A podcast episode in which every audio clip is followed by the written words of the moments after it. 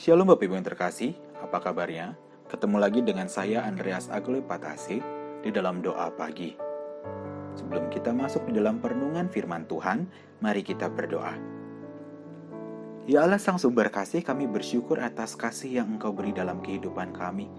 Kami bersyukur jika kami masih dapat melihat matahari, kami dapat merasakan segarnya nafas yang baru yang Engkau berikan dalam hidup kami. Sebelum kami melanjutkan kegiatan kami, izinkan kami mendengarkan firman-Mu, sehingga firman-Mu dapat menjadi pelita dalam hidup kami. Berfirman ya Allah, kami siap untuk mendengarkan. Di dalam Yesus Kristus, Tuhan dan Juru Selamat kami, kami telah berdoa. Amin. Firman Tuhan pada hari ini diambil dari 1 Samuel 16 ayatnya yang ketujuh. Tetapi berfirmanlah Tuhan kepada Samuel, Janganlah pandang parasnya atau perawakannya yang tinggi, sebab aku telah menolaknya. Bukan yang dilihat manusia yang dilihat Allah.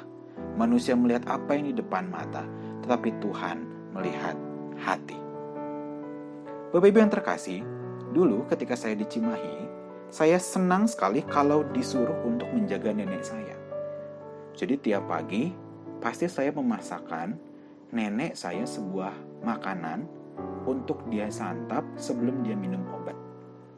Jadi tiap pagi saya pasti ditunggu untuk bangun, lalu saya ke pasar, pulang dari pasar, saya pasti langsung masak. Dan ketika saya masak, saya ditemani oleh nenek saya.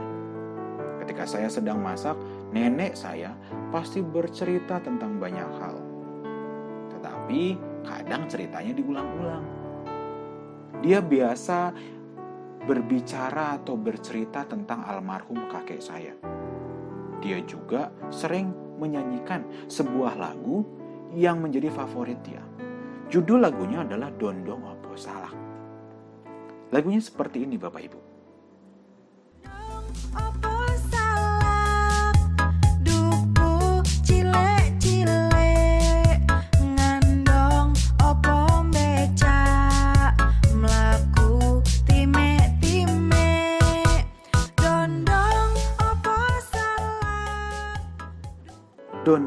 salak atau biasanya bahasa Indonesia kedondong dan salak.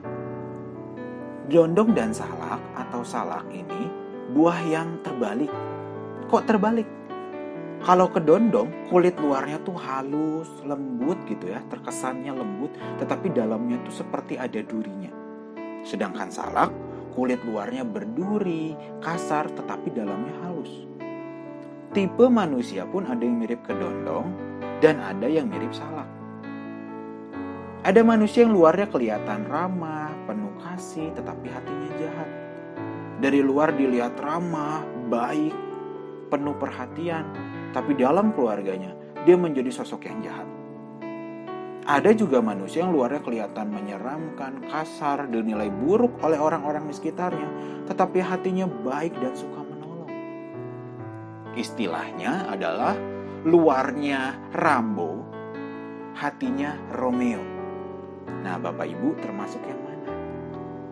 Firman Tuhan hari ini mengajarkan kita setidaknya tiga hal.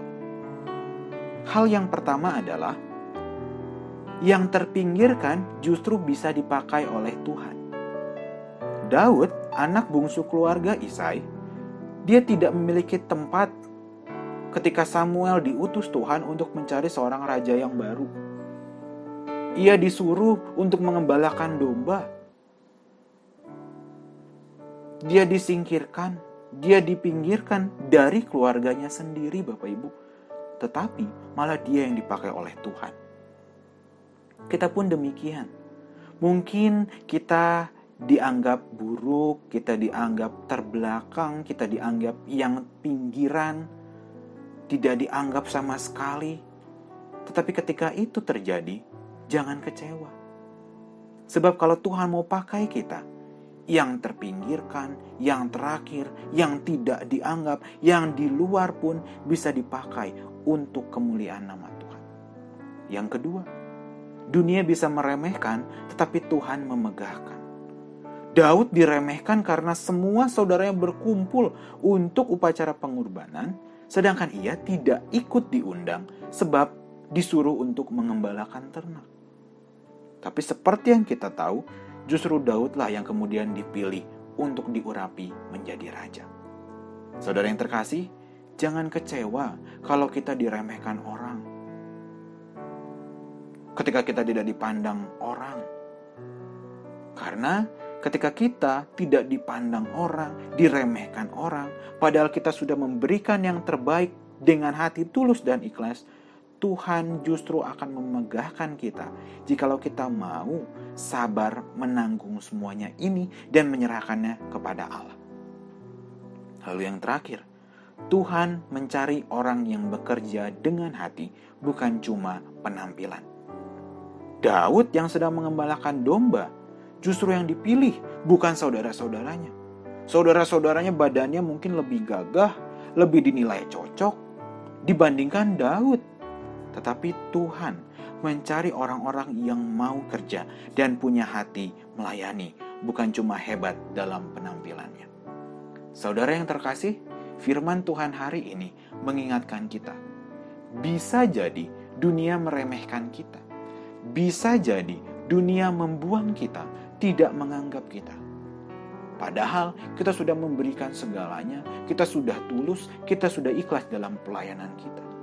Tetapi ingat, Walaupun dunia meremehkanmu, dunia menganggap kamu tidak ada, tetapi kalau kamu membawa hal baik menjadi berkat dan dengan senang hati melakukan pelayanan demi nama Tuhan, Tuhanlah yang akan memegahkan kita.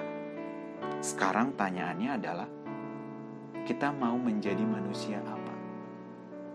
Manusia yang dibanggakan oleh dunia, tetapi hati kita buruk, atau manusia yang mungkin diremehkan oleh dunia, tidak dianggap oleh dunia, tetapi justru dipakai Allah untuk kemuliaan namanya. Semua pilihan ada di dalam tangan Bapak Ibu. Kiranya Tuhan Yesus memberkati kita. Amin.